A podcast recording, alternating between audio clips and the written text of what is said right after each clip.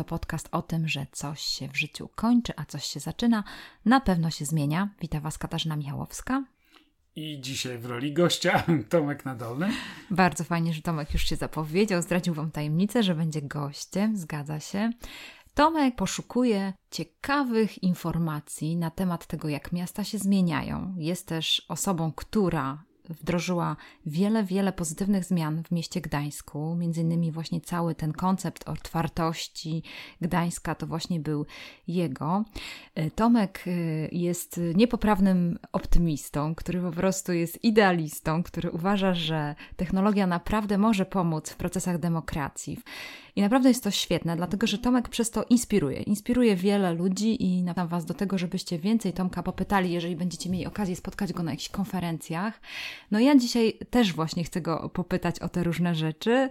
Głównie chciałam się skupić na tej idei Smart City, dlatego że ona jakoś tam nam się kojarzy czasami no, zaczynamy się zastanawiać, o co chodzi, o co chodzi, że, że, że to miasto miałoby być takie czy inne.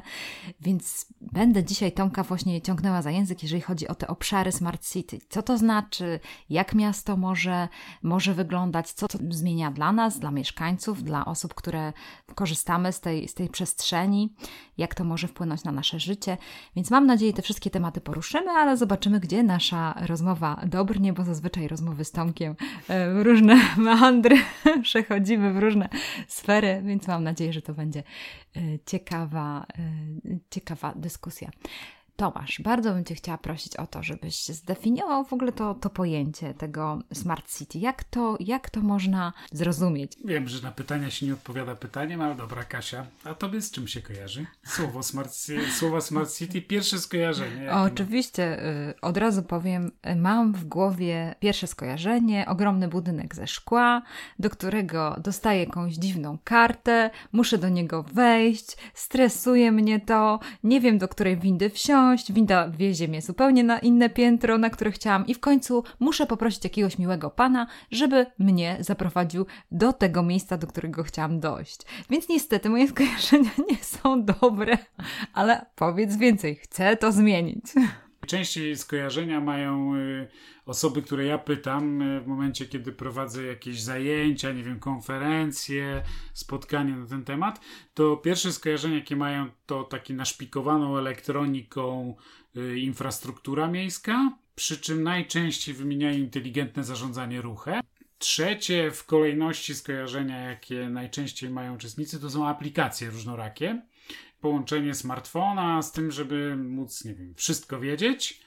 E, trochę mniej ludzi kojarzy z dość wysublimowanymi systemami dotyczącymi bezpieczeństwa. Zwykle monitoring, który w jakiś tam sposób sprzężony z innymi rzeczami. To są takie główne skojarzenia. Czasami padają bardziej takie wyszukane odpowiedzi. I, I, właśnie dopiero te wyszukane odpowiedzi mówią rzeczywiście, czym y, Smart City jest. To, że tak większość z nas ma takie poglądy na temat Smart City, to może wynika z tego, że w taką stronę to szło dotychczas. Ale może to jest dobry moment, żeby po prostu przemyśleć, czy my idziemy w dobrym kierunku. I może to jest dobry moment, żeby przedefiniować, czym jest e, smart. W większości się to kojarzy tym, że, że właśnie to jest naszpikowana elektroniką.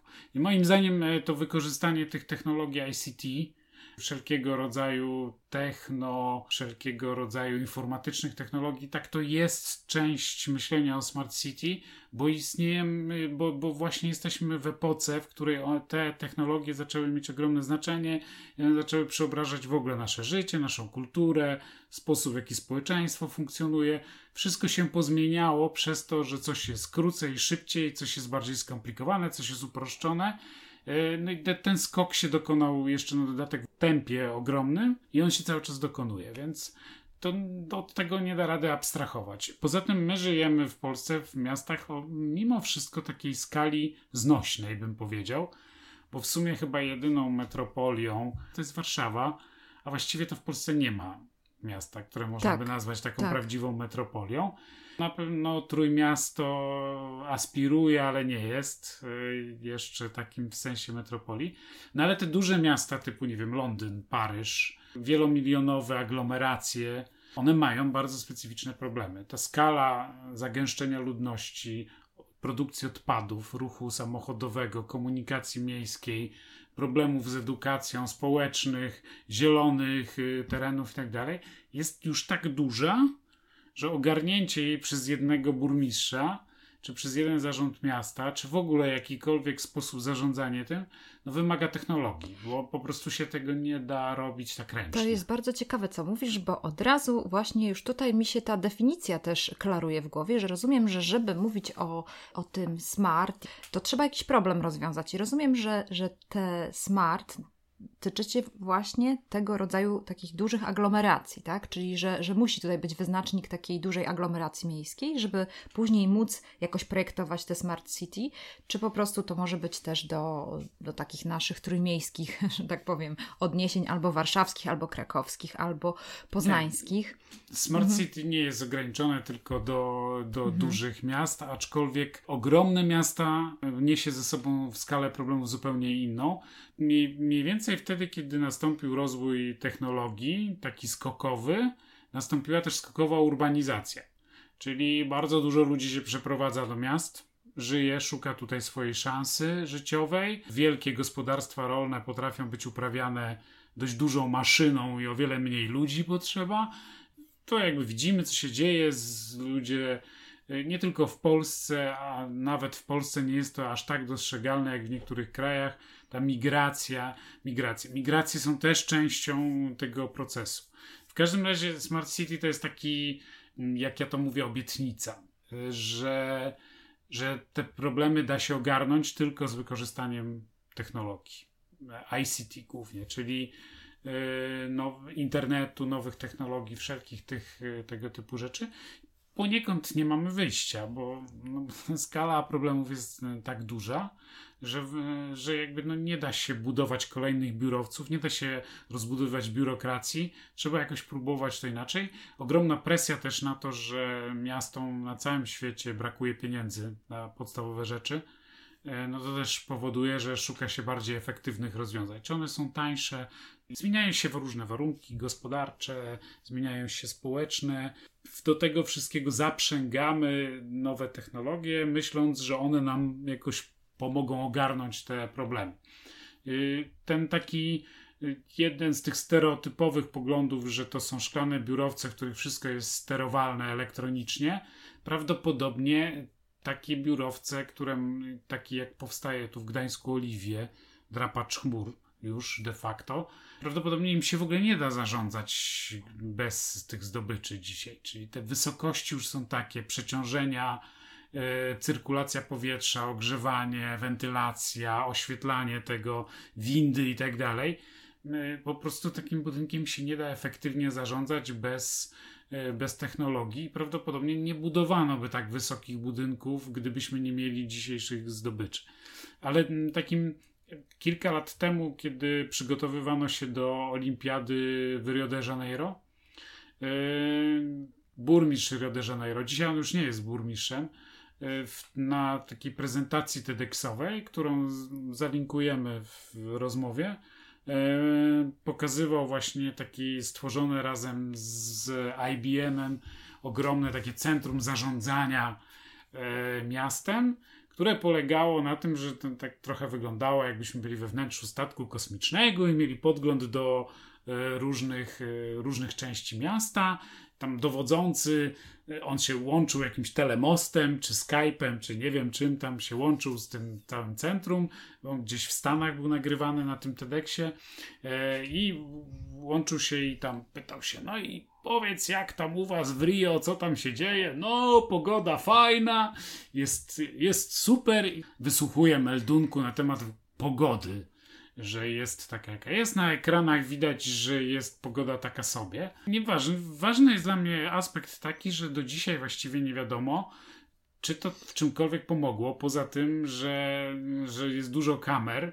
E, są tacy, którzy ja spotkałem się z poglądami takimi, że to wprowadziło jeszcze większe problemy, dlatego że sprawiło, że na przykład policja znalazła sposób na ingwilowanie E, tych wszystkich mieszkańców favelas, którzy, no to oczywiście, że są też również często przedstawicielami tych, którzy popełniają przestępstwa, bo są po prostu dużo biedniejsi. Z drugiej strony, niby to wpłynęło bardzo na poziom bezpieczeństwa. Coś mi się wydaje, że tylko tam, gdzie tą kamerę, gdzie ta kamera patrzy, to tam może jest bezpieczniej, co widzę, zresztą widać we wszystkich miastach, również polskich. Montowanie monitoringu sprawia, że po prostu złodzieje kieszonkowi omijają konkretne ulice, a kradną w innych. I no, to raczej służy jako dobry dowód, materiał dowodowy dla policji, a nie poprawianie e, bezpieczeństwa. I tu dochodzimy do sedna tego, o co chodzi w Smart City. Chodzi o to, że rozwiązujemy problemy, jak słusznie zauważyłaś. E, jednak zasadniczym problemem jest to, że kiedy robi się na przykład, ja robię warsztaty w Polsce z samorządowcami, to mają ogromny problem w definiowaniu tych problemów. E, niestety wygląda to często tak, że, że montuje się jakieś gadżety, buduje się jakieś aplikacje, rozbudowuje monitoring pod presją na przykład tego, że gdzieś nastąpiło jakieś przestępstwo w jakimś parku, to zakłada się pięć kamer w tym parku. Nie wiem, czy sensownie. W każdym razie w ten sposób jakby rozwija się ad hoc, bez jakiejś strategii, rozwija się pewne przedsięwzięcia, nie mówiąc, co właściwie chcemy i jak to chcemy zmierzyć. Nie definiujemy problemu, czyli nie stawiamy w ten sposób, że na przykład robimy, mamy taki cel, żeby, nie wiem, w, za 3 lata w mieście takim i takim było o 30% mniej bezdomnych. Albo na przykład, żeby 90% dzieci w wieku takim i takim, coś tam, coś tam. Nie definiujemy, nie mówimy, że mamy problem z tym i tym i chcielibyśmy ten problem wspomóc jakimiś procesami, tylko mówimy, ojej, jaka fajna zabawka. Kupmy ją. No i moim zdaniem często ma to odzwierciedlenie w pisaniu dokumentacji przetargowej, że takie są napisane, żeby dostać coś konkretnego. E, trochę nas, e, trochę nas rozpuściły pod tym względem e, środki unijne. Prawdopodobnie presja czasu, prawdopodobnie trochę brak wyobraźni, próba wrzucenia do jednego, jednego grantu takiego z unijnego, wrzucenia zbyt dużo celów, zbyt dużo rzeczy, powoduje, że no, część z tych środków moim zdaniem została przepalona, mówiąc krótko, czyli jakby bardzo mało efektywnie wydana, Powstało dużo infrastruktury, drogiej, skomplikowanej. Na dodatek, zanim została zrealizowana, technologie poszły do przodu, a na przykład taki inteligentny system zarządzania ruchu którym mieście powstało około 8 lat. E, w tym czasie się bardzo dużo rzeczy zmieniło. E, tego nie przewidywały projekty. I to, to są wady jakby tego, jak my to dzisiaj w Polsce, w jakim jesteśmy momencie. I to jest bardzo dobry moment. Mamy pierwsze pieniądze wydane, duże pieniądze. Po raz pierwszy w dziejach Polski mamy wydane duże pieniądze na inteligentną infrastrukturę. Mamy je za sobą, mamy je porozliczane, mamy często już parę lat na ocenę, ocenę efektów. Świetny moment do tego, żeby się zastanowić, czy dalej tak chcemy czy chcemy trochę inaczej, może się zatrzymać. E, tych pieniędzy nie będzie więcej, będzie ich mniej. E, unijnych na pewno wkrótce się skończą, tego typu. E, więc mają, nie mając już takich tego typu prezentów, grantów od instytucji unijnych, to może jednak powinniśmy trochę zmienić taktykę. Ja w każdym razie staram się do tego namawiać a powiedz mi, Tomek, y, właśnie to, o czym powiedziałeś, że na przykład o tych szkoleniach, gdzie są urzędnicy i oni poszukują tych y, Y, ciężko im jest zdefiniować te problemy, które występują w miastach. Y, czy w ogóle masz pomysły na to, jak właśnie, y, czy, czy to też jest w zakresie tego Smart City, żeby właśnie gdzieś tam w tym procesie przybliżania do tej obietnicy, o której powiedziałeś, że to jest jakaś obietnica życia w mieście, które jest może mniejszymi problemami, jak definiować te problemy, jakie, jakie są narzędzia, sposoby, czy właśnie to też do tego pomaga. E, od razu tutaj przychodzą do głowy właśnie technologia, no jakieś social media czy cokolwiek do definiowania tych problemów, a później do jakichś rozpoczęcia procesów, które by te problemy rozwiązywały. Jak, jak ty to widzisz? No, my podjęliśmy taką konkretną próbę na przykład w Urzędzie Miasta Gdańska, która się nazywała Gdańsk Lab. No zresztą e, jest teraz jakby e, prawdopodobnie zacznie się za chwilę jakby taki drugi etap tego. E, w każdym razie mm, w skrócie, bo to można sobie poszukać w sieci o co w tym wszystkim chodzi, ale w skrócie gdzieś też pewnie zalinkujemy. Ale w skrócie chodzi o to, że, że pewna metodologia oparta też na design thinkingu jako, jako metodzie dochodzenia do, do, do, do rozwiązań, w której uczymy urzędników, czyli osoby, które są wewnątrz, uczymy ich i siebie e, patrzeć problemowo na, na, na miasto, czyli e, z działek, w których ci ludzie pracują, e, z tego, co oni mówią, co jakby ich boli, co widzą, że jest nie tak, bo, bo oni tak to definiują. Widzą, że coś jest nie tak. Coś chcieliby zmienić. Pomagamy im zdefiniować z tego problem. Czyli pomagamy warsztatowo, nawzajem sobie pomagają w bardzo demokratycznej formie, warsztatowo, pomagają sobie zdefiniować z tego jakiś problem, owskaźnikować go, czyli też stwierdzić, jaka jest skala tego problemu, jak będziemy ten problem mierzyć, jak będziemy też patrzeć, czy są jakieś postępy za jakiś czas, bo to jest pod, jeden z podstawowych parametrów Smart City, to jest to, że Smart to znaczy też metodologia, w której jest coś owskaźnikowane. Wiemy, po czym poznamy, że idziemy do przodu, po czym poznamy, że jest progres, po czym poznamy, że jest sukces e, lub porażka, na czym będziemy to opierać, e, a nie na jakichś takich, e, nie na jakichś naszych subiektywnym spojrzeniu, że my się z tym fajnie czujemy, albo subiektywne, subiektywnie oceniamy, że dużo o tym media mówiły, to znaczy, że to jest fajne. Mm, nie zawsze tak jest. Nie zawsze to, czym się zajmują media, jest rzeczywiście czymś ważnym i odwrotnie. Często bardzo ważnymi rzeczami nie chcą się media zajmować, bo są na przykład zbyt złożone, yy, słabo się opowiadają i tak dalej.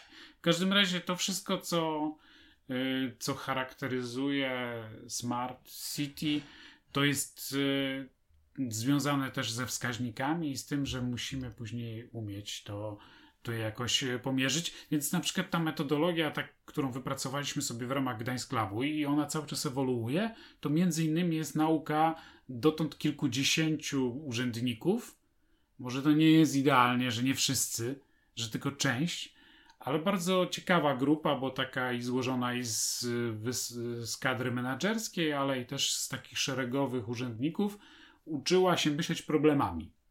E, ja myślę, że gdybyśmy 2-3 lata w wielu urzędach tego typu działania podjęli, warsztaty i tak dalej, to, to z czasem by e, stało się domeną tego środowiska, a przynajmniej wiele z, wiele z tych osób zaczęłoby trochę inaczej myśleć.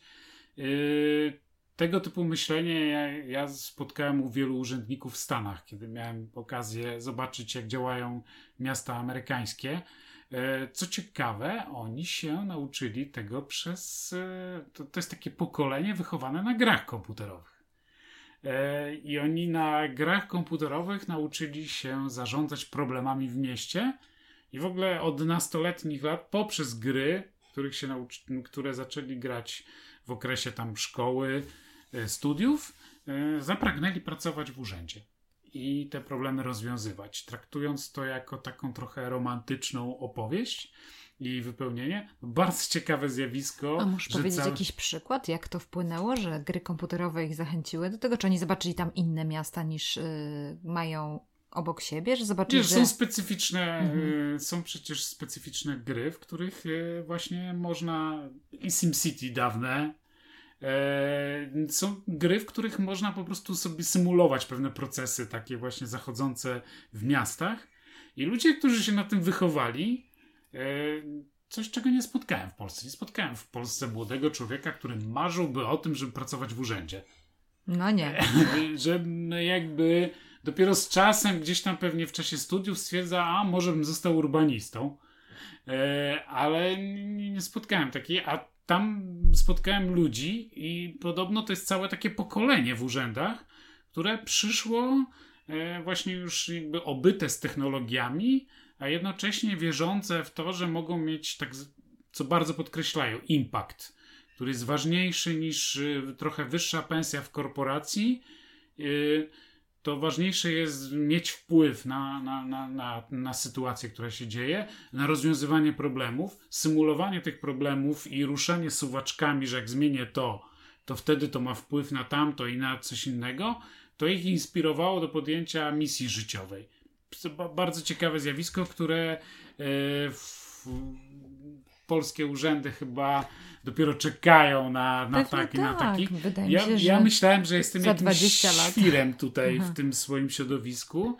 E, ale tam właśnie amerykańscy koledzy i koleżanki upewnili mnie, że, że nie jestem świrem, tylko jestem wbrew pozorom bardzo podobny do, do tam dziesiątek, setek pracowników urzędów e, tamtejszych. E, że to nie jest tak, że jakoś jakiś fenomen ten moje dziwactwa, tylko po prostu tam na przykład to, to jest bardzo powszechne. Nie wiem, czy ja to gdzieś wyczytałem, czy skąd mi się to wzięło, ale e, tam spotkałem bratnie duszy. Zresztą w Polsce też można je spotkać, tylko o wiele rzadziej. W każdym razie, żeby tak uzmysłowić, stosuje się taki fajny podział. Nie jest on moim pomysłem. Ja go półtora roku temu opisałem na swoim blogu, yy, trochę tam po swojemu. Yy, taki podział na miasta Smart City 1.0, 2.0 i 3.0. I te 1.0 to są takie miasta, które, z których właśnie ty masz skojarzenia. Yy, szklane biurowce, klimatyzację, zarządzanie ruchem, w których niestety to, co gubimy, to jest ten aspekt ludzki. Czyli wszystko ma być tak efektywnie technologicznie, że pomija, że użytkownikiem końcowym, że, że w ogóle, że w tym wszystkim jest człowiek najważniejszy. I to potem nie gra, bo to człowiekowi staje się, nie wiem, staje się miastem, tak jak w Korei Południowej, miastem zaprojektowanym idealnie przez inżynierów, tylko nikt nim nie chce mieszkać. Miastem na pustyni w, Arabii Saudyjskiej, które ma być poligonem doświadczalnym dla technologii, tylko też nie bardzo ludzie się w nim dobrze czują na tym, w tym poligonie. Mimo, że parametry wilgotności, temperatury i wszystkiego mają idealne, to jednak czegoś tam brakuje. Nie wiem czego, bo nie byłem w tamtym mieście akurat, ale czegoś tam brakuje. Podobnie jest z tymi naszymi biurowcami. One już są tam efektywne energetycznie, pasywne, wszystko jest przewietrzone, a ludzie się tam na przykład, ludzie się tam źle czują. Mówią, że coś jest bezduszne, że, że szukają domów z duszą. No tak, często ludzie tak mówią.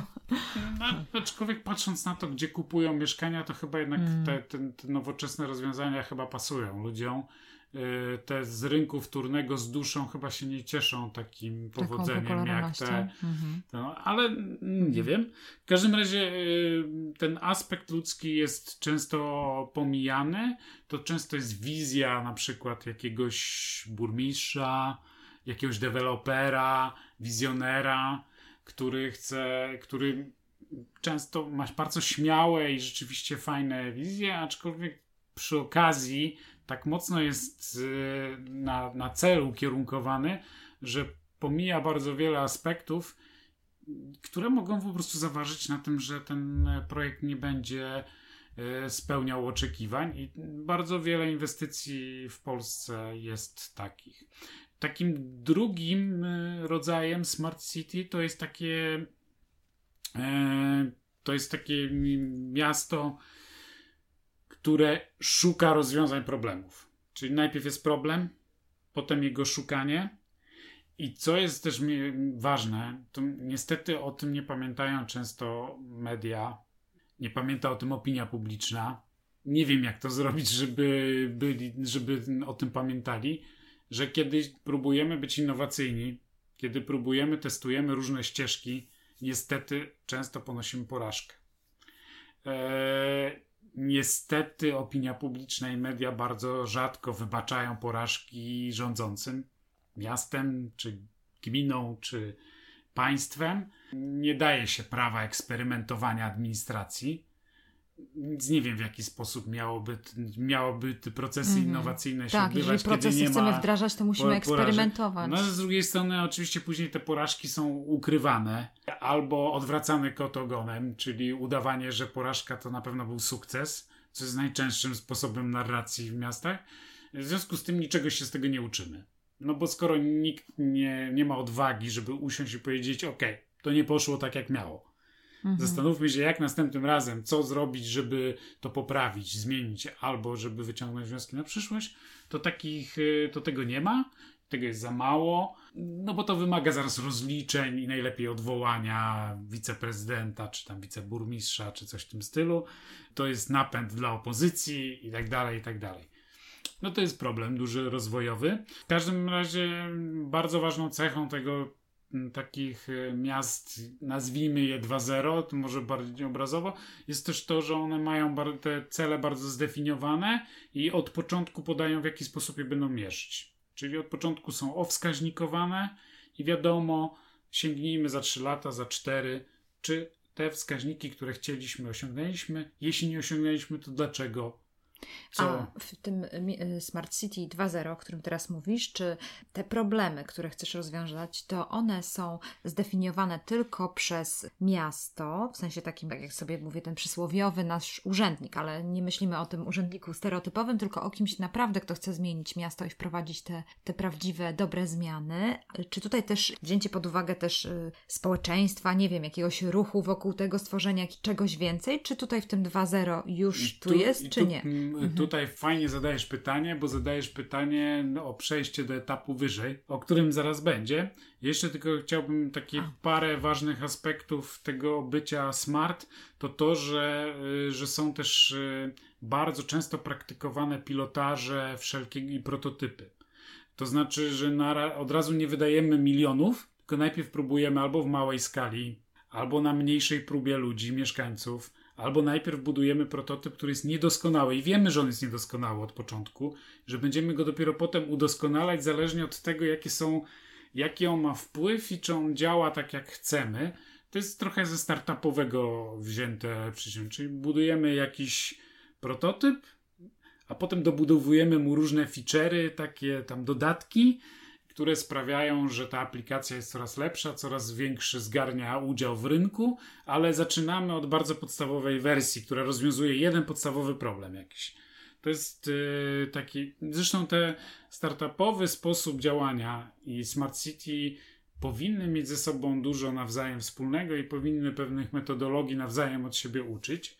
Yy, też rozumienie miasta w tym takim pojęciu 2.0 jest takim, że miasto jest takim rodzajem platformy, ale taki teleinformatyczny. Czyli ono jest jakby integruje różne procesy różnych maszyn, różnych baz danych, yy, różnych systemów. To jest bardzo ważne, żeby te różne systemy, których w mieście jest mnóstwo, jest ich mniej więcej tyle, ile w dużym banku, czyli grubo ponad 200 w takim Gdańsku, różnych systemów teleinformatycznych, żeby one nawzajem ze sobą gadały, tak czyli żeby się porozumiewały, żeby miały jakiś system, w którym to.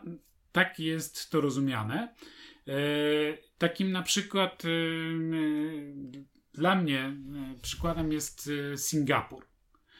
Takie miasto, które jest technokratycznie rzeczywiście jest doprowadzone na bardzo wysoki poziom w stosunku do na przykład miast w Europie Wschodniej czy w ogóle w Europie, a z drugiej strony ta technokratyczna sprawność nie idzie z rozwojem demokracji w parze. E, no, specyficzna jest ta singapurska demokracja, jeśli to można jeszcze nazwać demokracją. W każdym razie taki na przykład zamiast robienia zwykłych przetargów, przechodzenie w dialogi techniczne najpierw i wyłanianie w konkursach pewnych rzeczy, bo nie do końca jesteśmy w stanie wszystko określić, kiedy ma coś być innowacyjne to też jest takie zjawisko e, korzystne.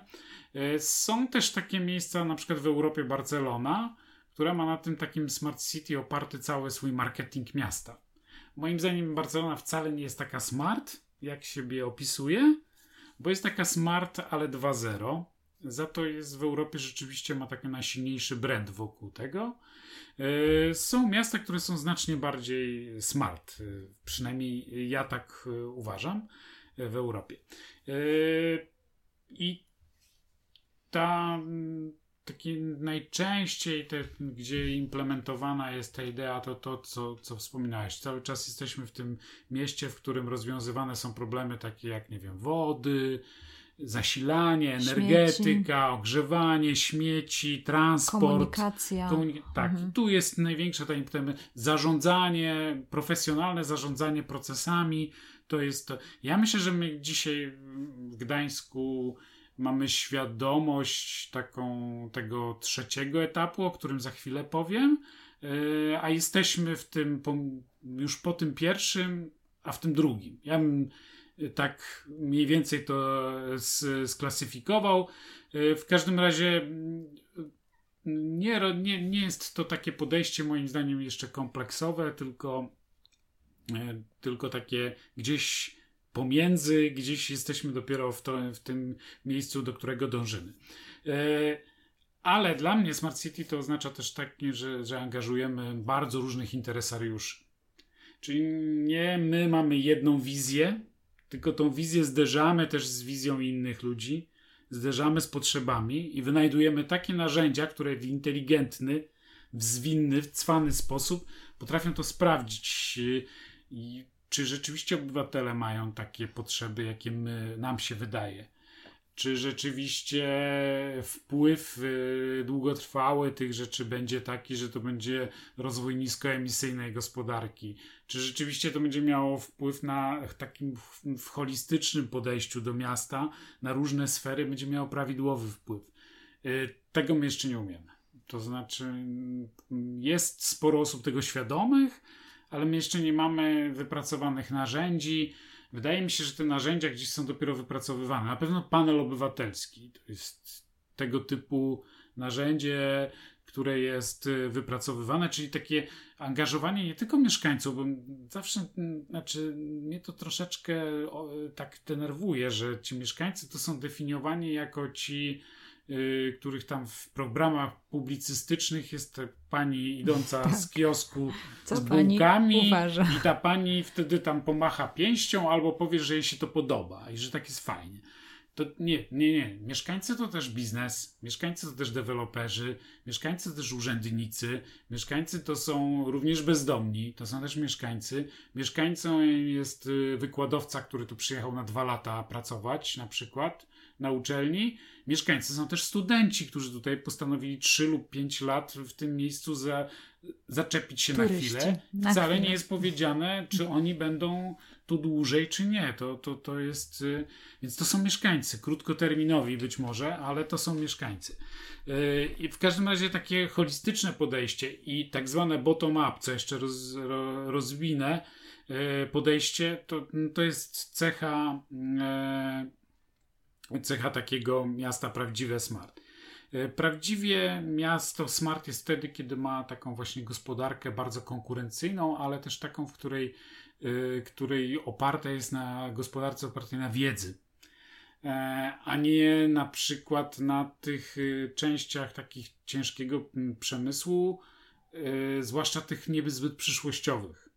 Czyli tych, których widać ewidentnie, że na świecie wszystko wskazuje na to, że z czasem to będzie emitowało tak dużo zanieczyszczeń, tak dużo różnych obciążeń dla, dla miasta, że profity z tego, z rozwijania tak danej gałęzi gospodarki będą niewielkie. Wszystko na to wskazuje.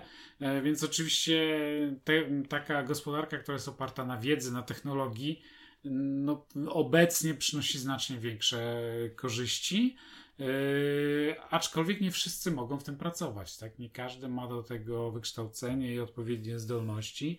W każdym razie yy, tego typu miasto jest też otwarte na różne globalne powiązania, wymianę myśli mieszkańców, technologii, pomysłów. Yy, trochę wydaje mi się, że dzisiaj klimat w Polsce jest taki yy, dominujący, jest raczej się na chwilę zamknąć, odizolować od y, procesów złych, nastawiamy się tylko na dobre, no tak to nie działa. Nie? Kiedy, te, kiedy te prądy różne, globalne przepływają, to niosą ze sobą i dobre, i złe rzeczy, i zagrożenia, i po to jesteśmy w tej chwili, możemy analizować dane, żebyśmy mogli te zagrożenia w miarę szybko wyłapać, no i też szybko budować dla nich e, rozwiązania miasto, do którego uważam, że powinniśmy dążyć Ja je nazwałem inteligentne miasta obywatelskie, tak nie nazwijmy, epoki 3.0, e, w którym może metafora jest inna, nie? Taka platforma informatyczna, która integruje wszystkie systemy w mieście, tylko miasto, ale taka platforma jako partycypacji i wymiany najróżniejszych rzeczy.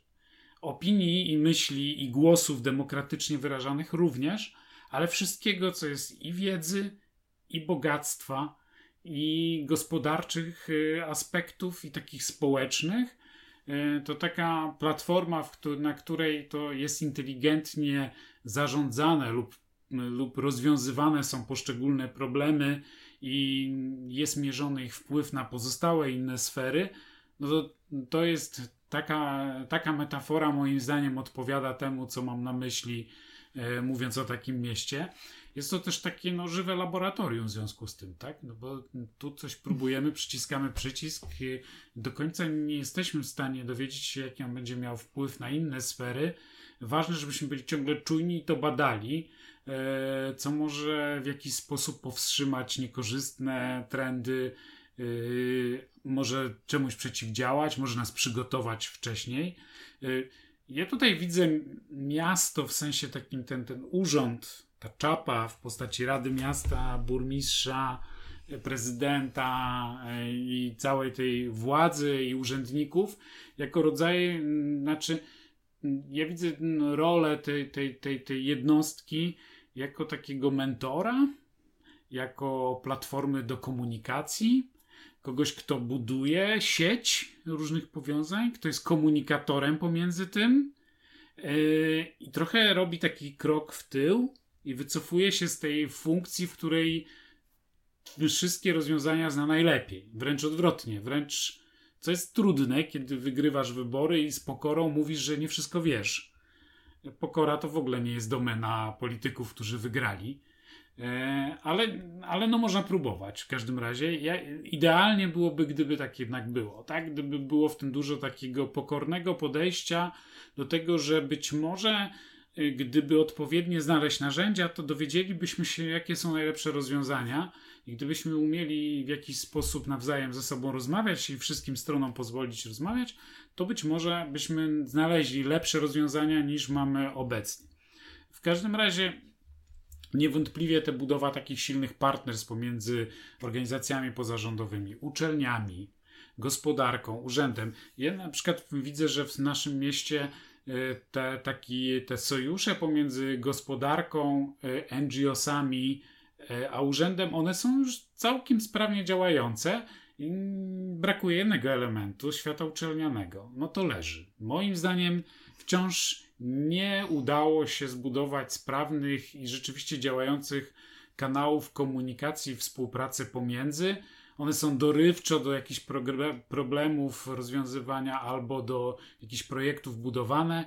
Yy, to jest do odrobienia dla nas wszystkich. Jeśli nas słucha jakiś przedstawiciel jakiejś uczelni trójmiejskiej, to mamy to do zrobienia i pewnie po stronie urzędów też, ale to też jest jakby mm, w takim mieście jednak znacznie sprawiedliwsze jest dzielenie się zasobami wspólnymi i traktowaniem też tak terenów zielonych, ścieżek rowerowych, dróg, chodników, kawałków mm, dróg zamykanych przed samochodami jako pewien rodzaj dobra wspólnego. Przestrzeń jest też e, e, to, czy wiszą w niej reklamy, czy nie jest zdefiniowane tym, że uznajemy, że przestrzeń jest nasz, na, nas wszystkich. Z tego wynikają też pewne obciążenia, zadania i tak dalej, i tak dalej. No, w każdym razie mocne przychylenie w stronę partycypacji, debaty, dialogu. To jest cecha miasta 3.0.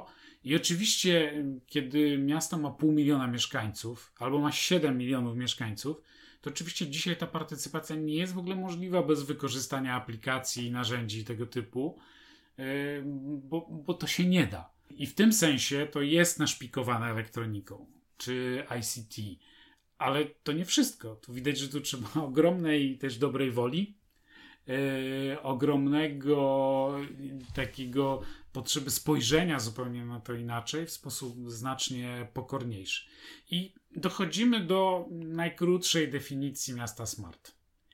im bardziej mieszkańcy są świadomi, im bardziej chcą mieć wpływ i czują, że mają wpływ, im bardziej mieszkańcy korzystają z tych dóbr kulturalnych, naukowych, im bardziej krąży wiedza, zasoby, im łatwiej na przykład y, ciężką pracą i zdobyciem wykształcenia dojść do czegoś w danym mieście. Im więcej jest szans życiowych, wyrównanych szans życiowych. Ludzie się dzielą ze sobą różnymi rzeczami, czyli im bardziej mieszkańcy są smart, tym bardziej miasto jest smart. A nie, że ma więcej kabelków albo mocy obliczeniowej.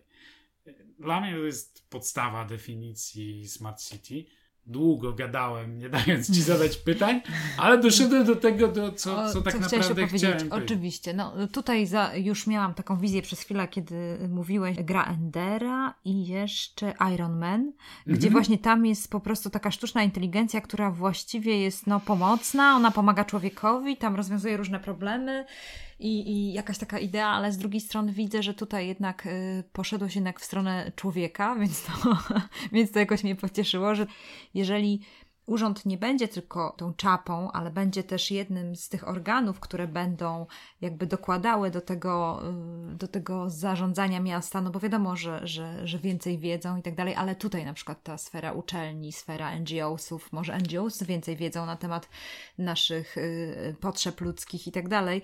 Tutaj to są ważne takie aspekty, że, że tutaj może nie będzie tej nadrzędnej funkcji, bo na pewno będzie ktoś, kto będzie musiał y, jakieś pewne decyzje wydać, bo są też organy organy decyzyjne, ale z drugiej strony y, są też jakieś y, ważne rzeczy, które mogą być wspomagające, a one mogą być w gruncie rzeczy decydujące, więc to jest znaczy, takie ciekawe. Moim zdaniem w tej mhm. koncepcji ja bym nawoływał do tego, żebyśmy przemyśleli, czy ta koncepcja 1.0, czy ona, czy ona wypełnia. No, moim zdaniem nie. Ona ponosi po prostu fiasko w zetknięciu z tym. Jest nie, nieefektywnym sposobem rozwoju to, to czego potrzebuje takie miasto, żeby się mogło stawać takim, bo to jest proces stawania się takim miastem 3.0.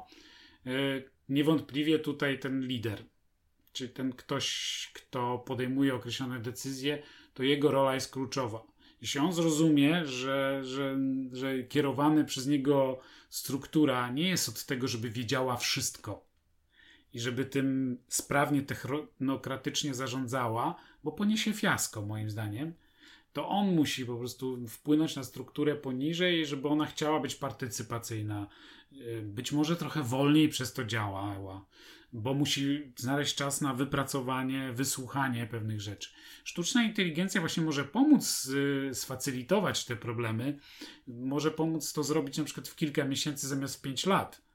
Y, ale no musi być to human-centric, czyli to, to musi być skierowane tak, ale na też człowieka. myślę sobie o tym, że na przykład sztuczna inteligencja może też e, mieć tą pamięć, bo jeżeli lider się zmienia i załóżmy, że będzie się co jakiś czas zmieniał, e, znaczy problem jest taki, że no ale co z tą przeszłością, że musimy też wyciągać wnioski, analizować jakoś przeszłość, czy na przykład zebrać nawet te, o, o którym mówiłeś, o tych przykładach ze Smart City 2.0, że przecież gdzieś podjęliśmy jakieś próby, one zakończyły się fiaskiem albo sukcesem, ale może kiedyś w innych warunkach będą sukcesem, albo inne okażą się fiaskiem. Jeżeli nie będziemy mieli takiej pamięci zbiorowej, gdzieś jakiegoś takiej analizy tych wszystkich danych, to po prostu nawet lider, który no nie będzie takim mózgiem, który by to wszystko umiał yy, wspólnie znaleźć, więc pewnie podejrzewam, że ten zasób. Moim zdaniem jest też tak, że na przykład dlatego tak dobrze sobie radzą w Polsce wieloletni na prezydenci. Tak, tak, że jest ciągłość. W, bo w Polsce mhm. jest y, pamięć instytucji ma dużo większe znaczenie niż profesjonalne metody zarządzania. No niestety wciąż jeszcze nie jest to wszystko dobrze dokumentowane nie ma właśnie takiego zwyczaju ewaluacji, nie ma zwyczaju opisywania tego w sposób otwarty dla wszystkich mieszkańców, tak żeby ta instytucjonalna pamięć był, trwała w całej strukturze. Tak, tak. Nie ma tego. Tak. E, to dopiero teraz są takie od paru lat tego typu mhm. ruchy, postulaty. Tak. I... I właśnie z tym bardziej mi się właśnie wtedy kojarzy te 3.0 Smart City, dlatego że rozumiesz, wtedy zdejmujesz tą tą odpowiedzialność pamięci z tego lidera, tylko to jest nasza wspólna pamięć. Ja mogę sobie gdzieś zajrzeć w jakiś zasób, mogę sobie przypomnieć, mogę wiedzieć, kto był, y, kto był poprzednio jakimś tam prezesem czy, czy członkiem zarządu i tak dalej, i wiem, do kogo mogłabym nawet zadzwonić, a nie, że ten, który jest nowy, on już on nic nie wie. On wszystko robi na, od początku. On projektuje coś od, z, czasami z białą kartką, bo, bo inni mu nie powiedzieli nawet, może coś takiego być, więc właśnie tak naprawdę to myślę sobie, że, że to jest to co, to, co może być e, pomocne w tym całym podejściu takiego, e, takiego inteligentnego e, miasta. Spotkałem w Filadelfii takie dziewczyny, które prowadzą takie laboratorium innowacji miejskiej wewnątrz urzędu, zresztą na najwyższym piętrze takiego wielkiego biurowca, już który miał kilkadziesiąt lat. Ale Filadelfia wbrew pozorom dość podobne miasto do Gdańska w sensie historyczno, kulturowo, też wielkości.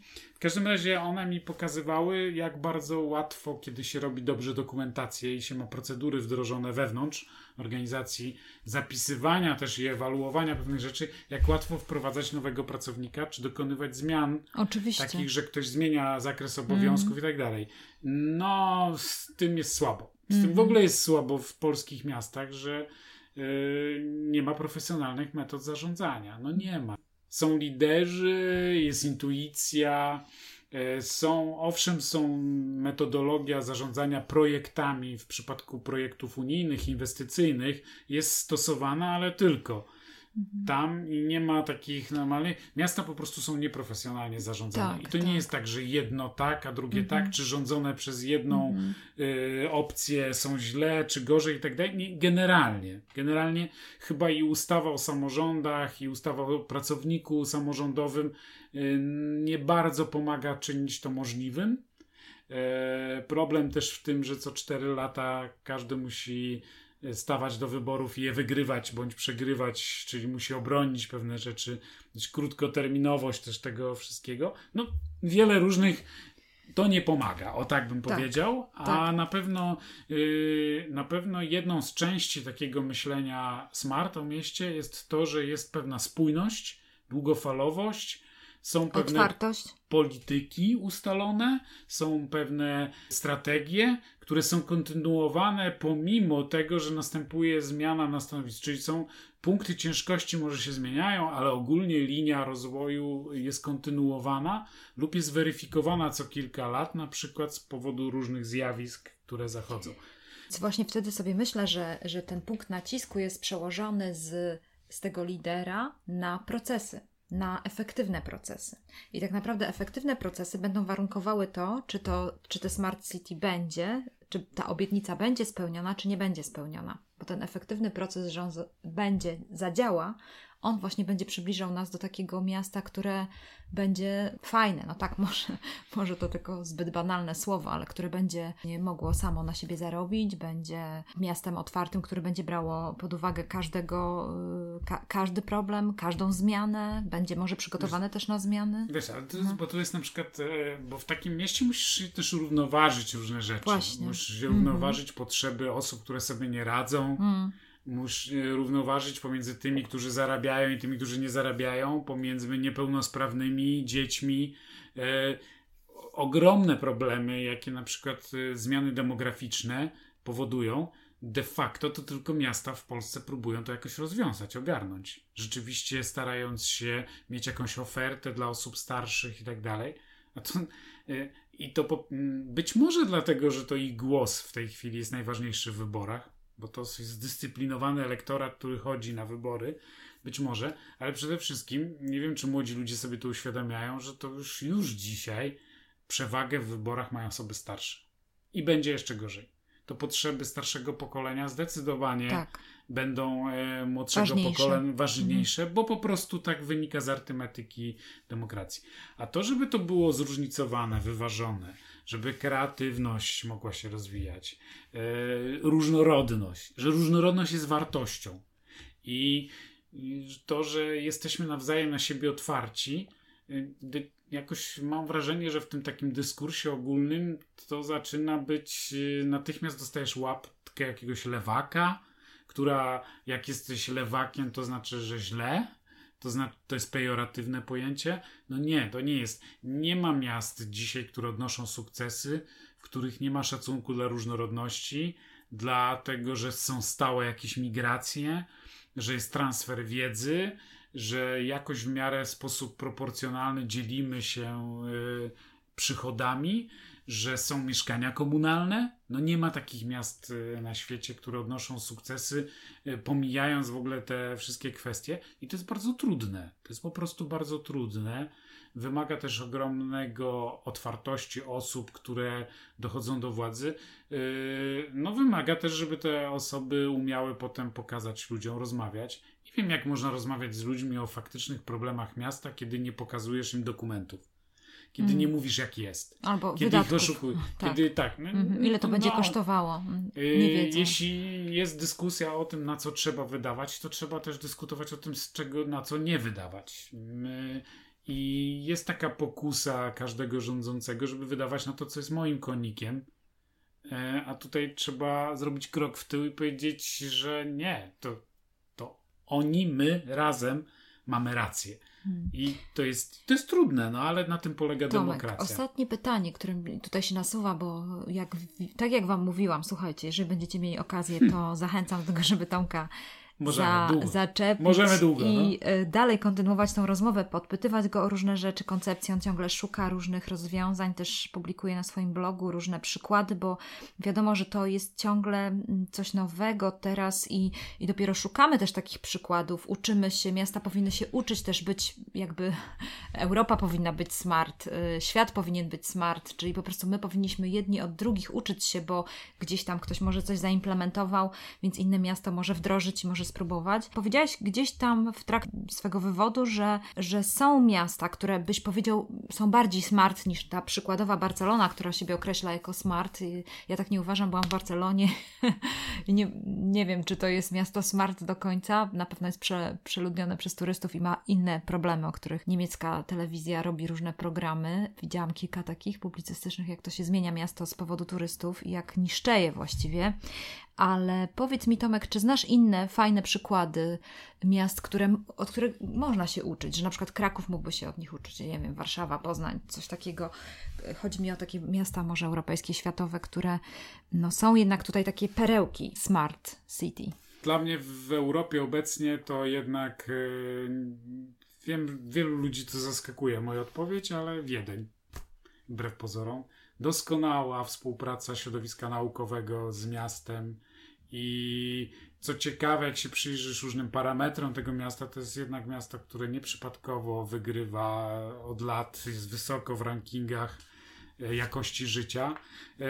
E, skandynawskie miasta, bardzo ogromny wysiłek, takie Malmö czy Kopenhaga, to są takie przykłady. I Amsterdam z wielu względów też, e, bardzo ciekawe rozwiązania. E, aczkolwiek wydaje się, że problemy też, jakie w Amsterdamie są, są na tyle duże, że nie do końca wszystkie te działania są w stanie dobrze z nimi korespondować. E, tak mi się wydaje, że to są najlepsze przykłady. Moim zdaniem też e, to takie zwrócenie się ku problemom to jest bardzo dobry pierwszy krok który powinien warsztatowo sobie każdy lider czy każda społeczność miejska powinna sobie postawić jako pierwszy cel, a z niego zaczynają wynikać później wszystkie inne i szukanie też rozwiązań do nich, bo kiedy już wiesz, co cię boli, to o wiele łatwiej, e, kiedy nie masz złudzenia, że to ten mięsień, a nie inny, a nie coś, co ci się wydawało, kiedy wiesz, czy to jest od uczulenia, czy od zranienia, to o wiele łatwiej szukać jakiegoś lekarstwa. E, o ile wiem, to Wiedeń się w ogóle bardzo chętnie dzieli swoją wiedzą. Zresztą myślę, że ci ludzie, którzy tam się tym profesjonalnie zajmują, spoglądają na naszą część Europy jako miejsce, gdzie potencjalnie jest jeszcze ziemia, na której można dużo dokonać. Także bardzo mm, polecam zwrócić uwagę na to, co tam się dzieje. E, może kiedyś wrócimy do tego, że takie, tak jak się dochodzi do takiego poziomu, w jakim e, historycznie doszedł Wiedeń i co oni uważają, że są najważniejsze tym, ale to już pewnie temat na inną rozmowę. Tak, dokładnie. Tomek, bardzo Ci dziękuję.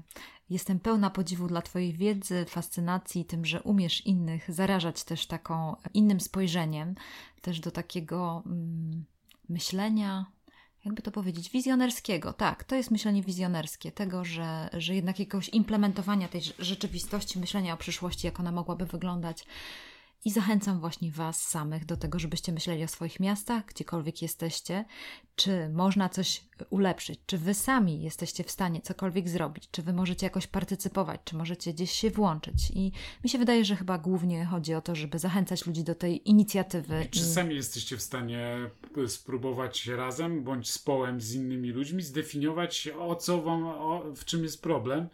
Bo bardzo łatwo jest nam powiedzieć, co się nam podoba lub nie podoba. Tak, e, albo skrytykować. W Polsce, w Polsce to mamy raczej, skrytykować. nawet jak mamy powiedzieć, co się nam podoba, to często mamy z tym problem, e, ale sformułować problem, czyli sformułować, co rzeczywiście jest wyzwaniem rozwojowym dla miejscowości, w której żyjecie, popróbujcie sobie. To wcale nie jest takie proste, jak się wydaje. E, I wbrew pozorom niewiele osób to potrafi, niewiele organizacji potrafi to robić sprawnie.